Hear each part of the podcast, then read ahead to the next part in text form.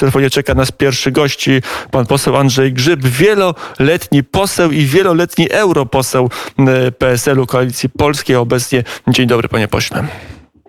Dzień dobry, pozdrawiam pana redaktora i pozdrawiam do słuchaczy Radia Wnet. E, to my oczywiście przejdziemy o, do tej kwestii, o której pierwszej, na pierwszym miejscu wspomniałem, czyli o e, Krajowym Funduszu, od, Krajowym Programie Odbudowy i Europejskim Funduszu Odbudowy. E, mamy stanowisko Komisji Europejskiej, która zachęca polskie władze do szybszej ratyfikacji. Mamy stanowisko polskiego rządu. Chociażby wiceminister Buda, który bezpośrednio ten projekt pilotuje, mówi, że dużo uwag i dużo propozycji opozycji także zostało włączonych do tego projektu i że jego zdaniem teraz już wszyscy zgodnie mogą e, za tym projektem zagłosować. Tak jest, panie pośle, czy jeszcze tej zgody nie ma? E, no przede wszystkim e, może pierwsza kwestia dotycząca zachęt oraz uwag Komisji Europejskiej.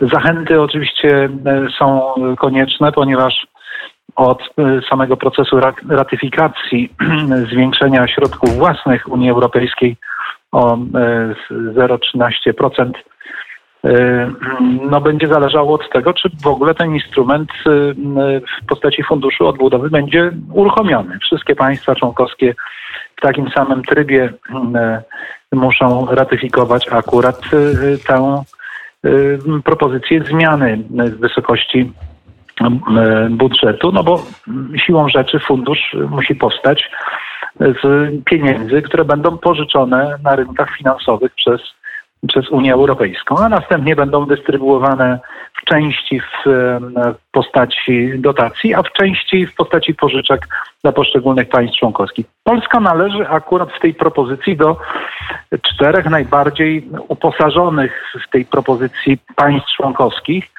No bo y, tak y, na okrągło licząc to jest niespełna 250 miliardów, z tego, z tego 20 e, złotych, a z 20, 250 miliardów złotych. Z tego no, 24 e, miliardy to będą pieniądze w postaci dotacji 24 miliardy euro. No więc to jest ponad 100 miliardów złotych. Więc to jest rzeczywiście taki instrument finansowy, który ma pomóc przede wszystkim w odbudowie gospodarki po stratach wywołanych epidemią, a z drugiej strony też ma e, służyć e, wzmocnieniu e, odporności gospodarki na podobne kryzysy, które mogą się przytrafić w przyszłości, niwelując oczywiście też te niedogodności, które powstały w wyniku ponadrocznego już w tej chwili E, kryzysu wywołanego Ale to epidemią. też Komisja Europejska, urzędnicy z Brukseli e, wskazują, że trochę też e, Polskę krytykując i polski rząd, że było tak, konkretnie tak, o tym, że ten program wskazują... za bardzo przypomina politykę spójności, a to ma być coś ponad, to ma być coś, co pozwoli wejść europejskim gospodarkom na nowy poziom, wejść w nowy cykl postpandemiczny, cykl gospodarczy. No i tutaj przede wszystkim Komisja Europejska zwraca uwagę, że E, nie dość dobrze są wyeksponowane cele, które chce osiągnąć e, Polska, e, wzmacniając i odbudowując gospodarkę. A dodać trzeba, że przecież tak dosyć publicystycznie ten program odbudowy też jest nazywany takim europejskim planem Marszala, znanym z okresu odbudowy gospodarki po II wojnie światowej. Nie, nie ta proporcja E, natomiast, natomiast e, rzeczywiście e, tam są dwa wskaźniki, które są zaszyte akurat w tej propozycji. Po pierwsze, 37% tych pieniędzy przeznaczonych dla kraju członkowskiego ma być wydane na cele związane z ochroną klimatu i, i środowiskiem, a kolejne 20% na gospodarkę cyfrową. Czyli to są e, dwa wskaźniki podstawowe, w ramach których e, trzeba zbudować cały ten krajowy plan odbudowy, żeby on w ogóle został przez komisję e, za, za, zaakceptowany, no bo realizacja tego jest na poziomie, na poziomie europejskim z tymi segmentami w poszczególnych krajach członkowskich. I to jest bardzo ważna uwaga, która została zwrócona. Jakie cele chcemy osiągnąć?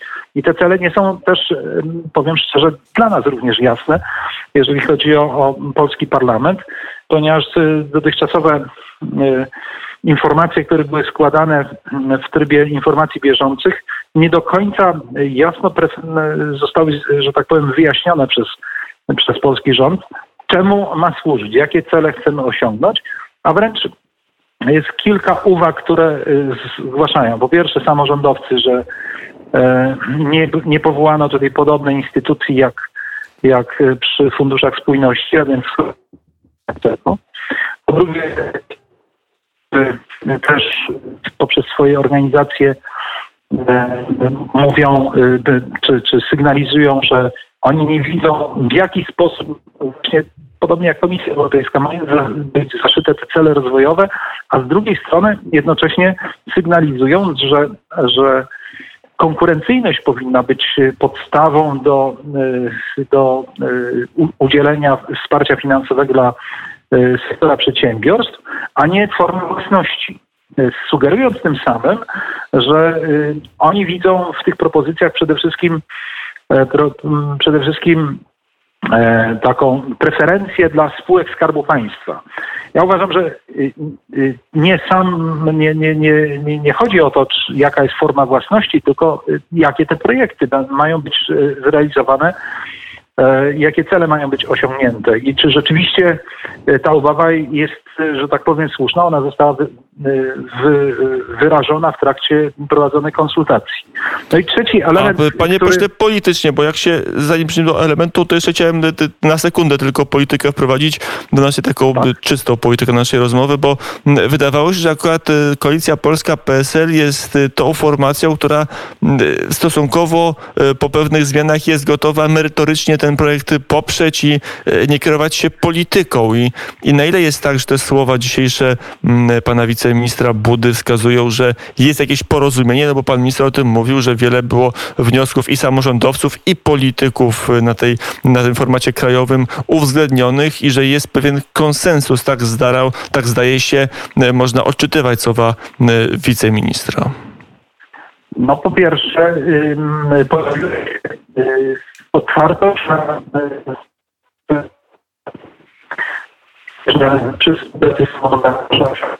Panie pośle, słabo pana posła słyszymy, było dobrze, teraz jest gorzej, trzeba się przemieścić w jakieś e, miejsce, gdzie będzie lepszy zasięg, okno z reguły jest takim miejscem, gdzie... O, i teraz, teraz słychać pana posła doskonale.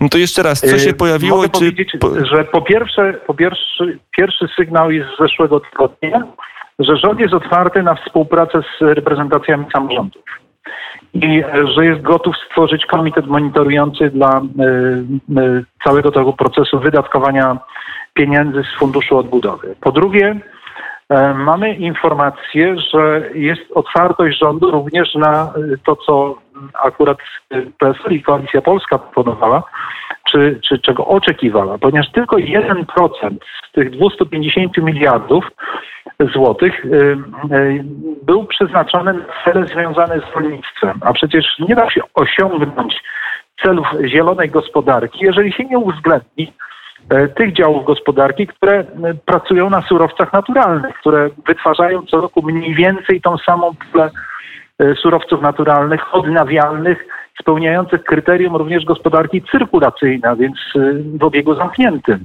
Tutaj rolnictwo, leśnictwo, rybołówstwo y, są doskonale do tego predestynowane. Ja podam jeden przykład, y, żeby to jakoś wyegzemplifikować. Samorząd regionalny w Wielkopolsce, ale również Wody Polskie, czyli instytucja państwowa, stwierdziły, że jednym z priorytetowych powinna być na przykład budowa zbiornika Wielowieś Klasztorna na rzece Prośnie, która spełniłaby e, również te kryteria z jednej strony e, pomocy dla rolnictwa, przeciwdziałanie powodzi, po, zjawiskom powodziowym, ale z drugiej strony też retencji. Retencji, co byłoby znakomicie wpisywało się również w te cele gospodarki, gospodarki właśnie służącej środowisku i, i spełniającej kryteria klimatyczne. Podobnie jest drugi taki program z Wielkopolski, to jest kwestia E, ratowania jezior, e, które są w bezpośrednim e, bliskości no, kończących swoją żywotność kopalni w Zagłębiu Konińskim. Mówię o kopalniach węgla brunatnego.